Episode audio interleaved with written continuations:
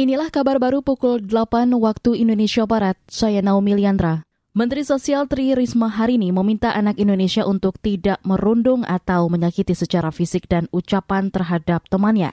Mensos menyampaikan hal itu saat peringatan puncak peringatan Hari Anak Nasional di Lombok Timur, Nusa Tenggara Barat kemarin. Mulai sekarang tidak boleh anak-anakku membuli atau mengolok-ngolok temannya yang ada kekurangan. Siap anak-anakku? Siap ya? Gak boleh ya? Kita semua sama. Ya, gak boleh. Jadi gak boleh mengolok-ngolok temennya. Mensos Tri Risma hari ini saat berdialog dengan sejumlah anak berjanji memenuhi permintaan penerangan lampu listrik dan sepeda. Puncak peringatan Hari Anak Nasional tahun ini mengambil tema Anak Terlindungi Indonesia Maju. Pemerintah akan meningkatkan produksi jagung di Papua, Papua Barat, NTB, Maluku, Maluku Utara, dan Kalimantan Utara. Menteri Koordinator Bidang Perekonomian Erlangga Hartarto menyebut total luas lahan jagung tersebut bakal mencapai 141 ribu hektar.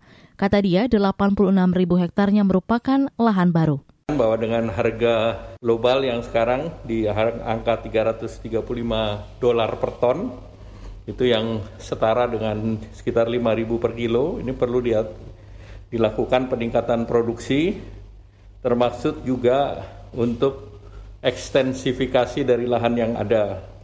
Nah, salah satu yang dilakukan ekstensifikasi adalah dengan mendorong eh, GMO ataupun hibrida Menko Perekonomian Erlangga Hartarto mengatakan ada 14 varietas bibit hibrida yang digunakan antara lain benih pertiwi 3, NK Perkasa, Singa, Bima, Dahsyat, dan P36. Kata dia, saat ini produksi nasional jagung dengan kadar air 27 persen sampai akhir tahun bisa mencapai 25 juta ton. Atau jika kadar airnya 14 persen, maka setara dengan 18,6 juta ton. Kita ke berita luar negeri. Sekjen PBB memperingatkan dunia menghadapi ancaman kemusnahan umat manusia akibat senjata nuklir. Laporannya bersama Rifan Dwi Astono.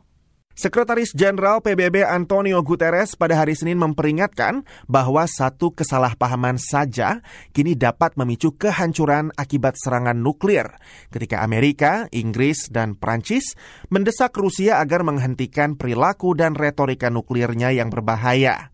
Pada pembukaan konferensi utama perjanjian non-proliferasi nuklir atau NPT di New York, Guterres memperingatkan bahwa dunia menghadapi sebuah ancaman nuklir yang belum pernah terlihat sebelumnya semenjak puncak perang dingin. Sambil menyinggung perang Rusia dengan Ukraina, juga ketegangan di semenanjung Korea dan Timur Tengah, Guterres mengaku ia takut krisis-krisis dengan nuansa nuklir dapat meningkat. Kini umat manusia dapat menghadapi kemusnahan akibat senjata nuklir hanya dengan sebuah kesalahpahaman atau kesalahan perhitungan. Saudara, demikian kabar baru KBR. Saya Naomi Liandra undur diri.